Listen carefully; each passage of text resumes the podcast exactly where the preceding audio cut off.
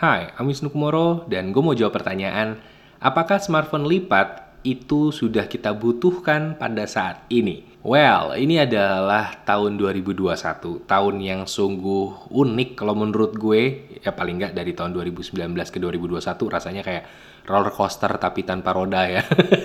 Aneh banget ya, dua tahun belakangan ini.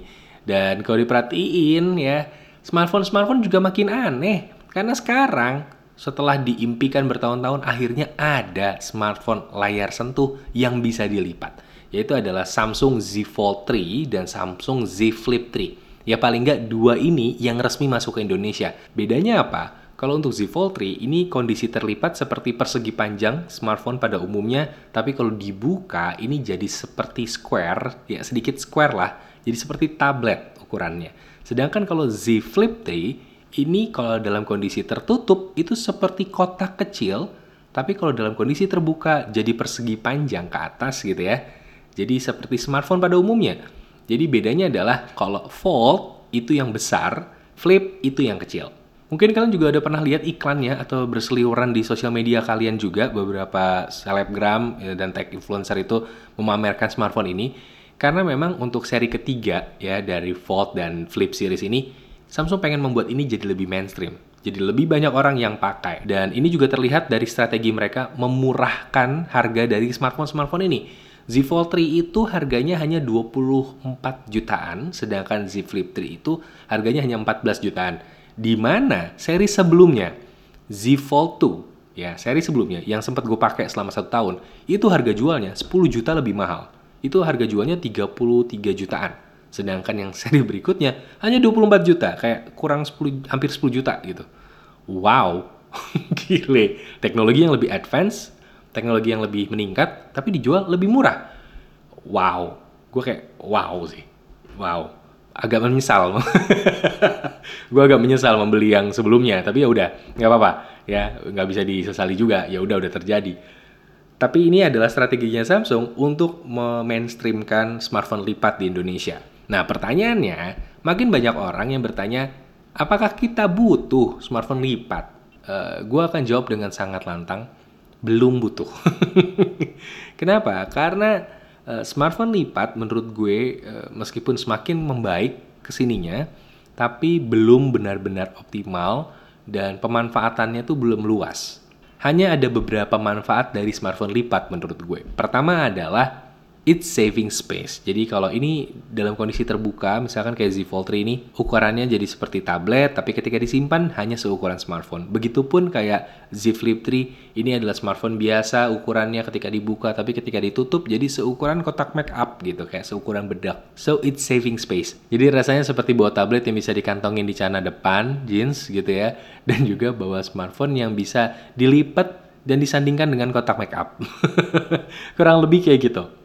Dan itu kan kalau dari sisi bentuknya, tapi kalau dari sisi fungsinya, memang ada yang namanya flex mode. Ini adalah fungsi unik dari smartphone lipatnya Samsung ya. Dan ini jelas nggak bisa dilakukan oleh smartphone lain gitu.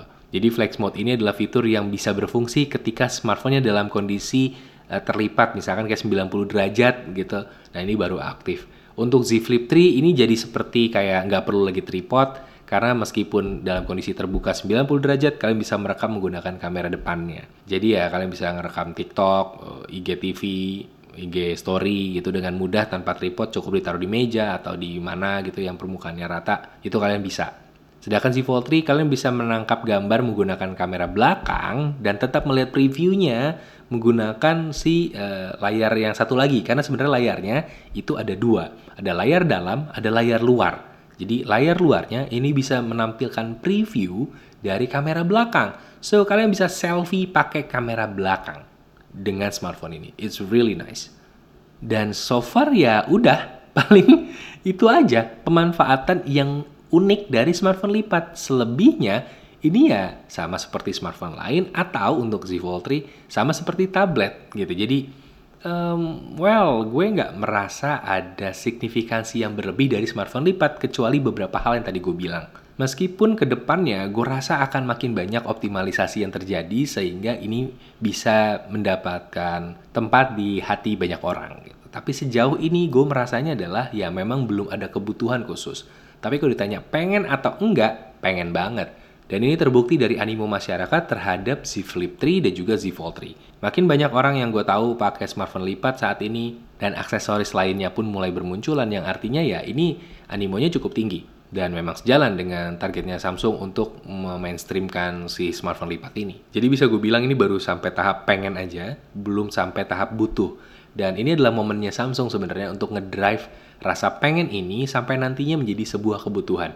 Karena gue udah pernah nyobain Z Fold 2 selama kurang lebih setahunan sampai akhirnya gue pindah ke Z Fold 3. Dan apakah muncul rasa butuh itu? Well, uh, ada rasa kebutuhan itu. Beberapa hal itu gue kangenin dari smartphone lipat Misalkan ketika gue pengen baca komik ya. Karena kalau baca komik di smartphone dengan ukuran normal, ya bentuknya paling ya segitu aja. Tapi kalau pakai Z Fold 3, ini kayak bener-bener baca komik, ukurannya gede, enak gitu, dan tetap bisa gue kantongin. Itu nyaman banget. Kemudian juga kalau gue baca dokumen, itu jadi lebih jelas.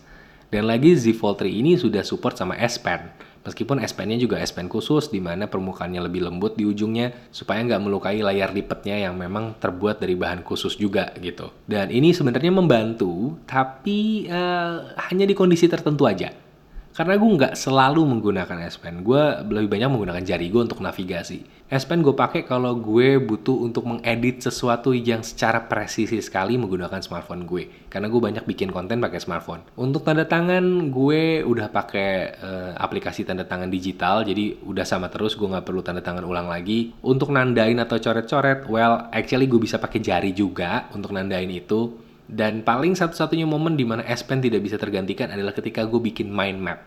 Kalau gue bikin mind map pakai handphone, uh, gue lebih nyaman kalau gue nyoret langsung menggunakan uh, tangan gue. Gue tulis tangan langsung. Tapi kalau gue pakai jari itu kan rumit sekali ya. Jadi S Pen mutlak gue perlukan di kondisi itu. Tapi ya udah di momen itu aja. Di mana gue bikin mind map itu jarang banget. tapi kadang-kadang gue bikin. Jadi ya gue butuh S Pen tapi di kondisi yang jarang banget gue nggak tahu gimana mengkonklusikan kalimat itu tapi itu yang terjadi di gue. Dan mungkin itu juga akan dirasakan oleh orang-orang yang menggunakan Z Fold 3 atau buat kalian yang pengen beli Z Fold 3 mungkin ini bisa jadi sebuah pertimbangan. Kalian akan butuh S Pen tapi mungkin nggak butuh-butuh banget. Dan kemudian kalau dipakai untuk aktivitas lain menurut gue ini adalah smartphone biasa aja gitu.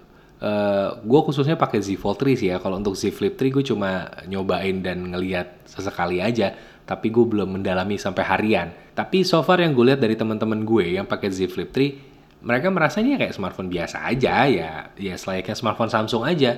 Paling jadi concern adalah ini frekuensi buka tutupnya ini sangat sering sekali, terutama untuk yang Z Flip 3. Karena kan layar utamanya tetap yang dalam. Ketika kalian pakai itu adalah ya layar yang dalamnya, layar lipatnya. Dan kalian akan secara intuisi itu akan sering menutupnya ketika nggak pakai. Terus baru 2 menit buka handphone lagi, tutup lagi buka lagi, tutup lagi, buka lagi, tutup lagi. Itu akan lebih sering ketimbang gue yang pakai Z Fold 3. Karena kalau Z Fold 3 itu punya dua layar, di mana ada layar lipat dalamnya dan ada layar luarnya yang bisa untuk mengakses dan nyaman untuk mengakses isinya. Karena ukuran layar yang di luar ini ini cukup besar, seperti selayaknya smartphone. Sedangkan kalau Z Flip 3, layar di luarnya itu cuma cover doang. Kecil banget, cuma beberapa inci aja. Nggak bisa dipakai untuk bernavigasi dengan nyaman. Jadi ya ada perbedaan di bagian itu. Bahkan dulu ketika gue pakai Z Fold tuh, gue lebih sering pakai layar luarnya ketimbang layar dalamnya. Karena optimalisasi terhadap aplikasinya masih belum sebagus ketika di Z Fold 3 ini. Jadi ya gue lebih banyak pakai ketika kondisi ketutup. Dan di titik itu kadang-kadang gue mikir, ngapain sih gue pakai handphone ini? Mana rasio layarnya aneh kan ya? Bagian luarnya manjang banget, tapi bagian dalamnya agak ngotak ini jadi gue bingung nih rasio layarnya unik banget nih untuk nonton YouTube jadi ada black barnya, buat buka aplikasi Instagram juga nggak full gitu. Dan kadang-kadang kalau ngeliat TikTok juga sempet tuh itu kepotong gitu atas bawahnya jadi oh kok rasanya aneh banget. Tapi case-nya mungkin agak sedikit berbeda kalau gue pakainya Z Flip 3 karena ini sebenarnya ukuran smartphone normal yang bisa dilipat lebih kecil aja. So kalau untuk entertainment gue rasa lebih masuk lah ya rasio layarnya ketimbang si Z Fold 3 ini. Dan selebihnya paling ya masalah harga aja sih. Kalian cocok nggak sama harganya? Kalau kalian cocok silahkan beli. Kalau nggak ya udah gitu. Karena ini adalah smartphone yang eh, secara teknologi sebenarnya teknologi tinggi. Layar lipat itu nggak semua pabrikan bisa bikin gitu. Jadi ini adalah sebuah teknologi yang advance sebenarnya dan dijual secara massal.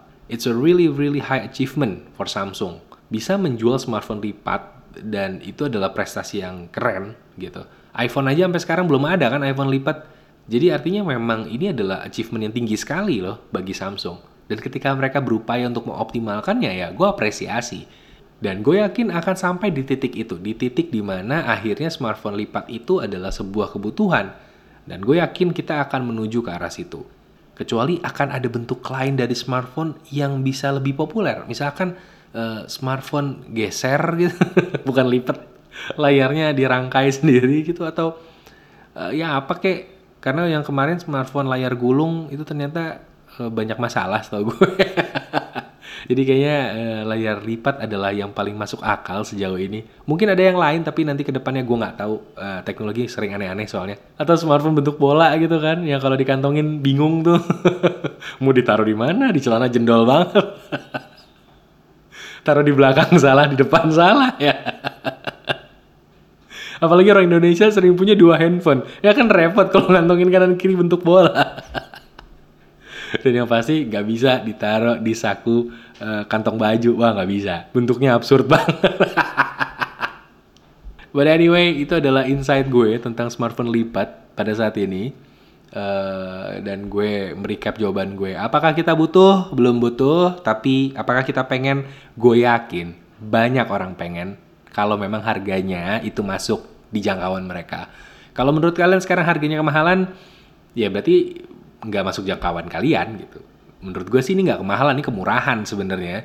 Tapi ya tetap belum terjangkau untuk mayoritas uh, masyarakat Indonesia pada saat ini. Masih ada di kelas yang memang premium. Karena memang teknologinya premium. So, ya, ini adalah teknologi premium yang kemurahan, uh, tapi tetap belum terjangkau. Dan itu adalah insight dari gue tentang Samsung Z Fold 3 dan Z Flip 3.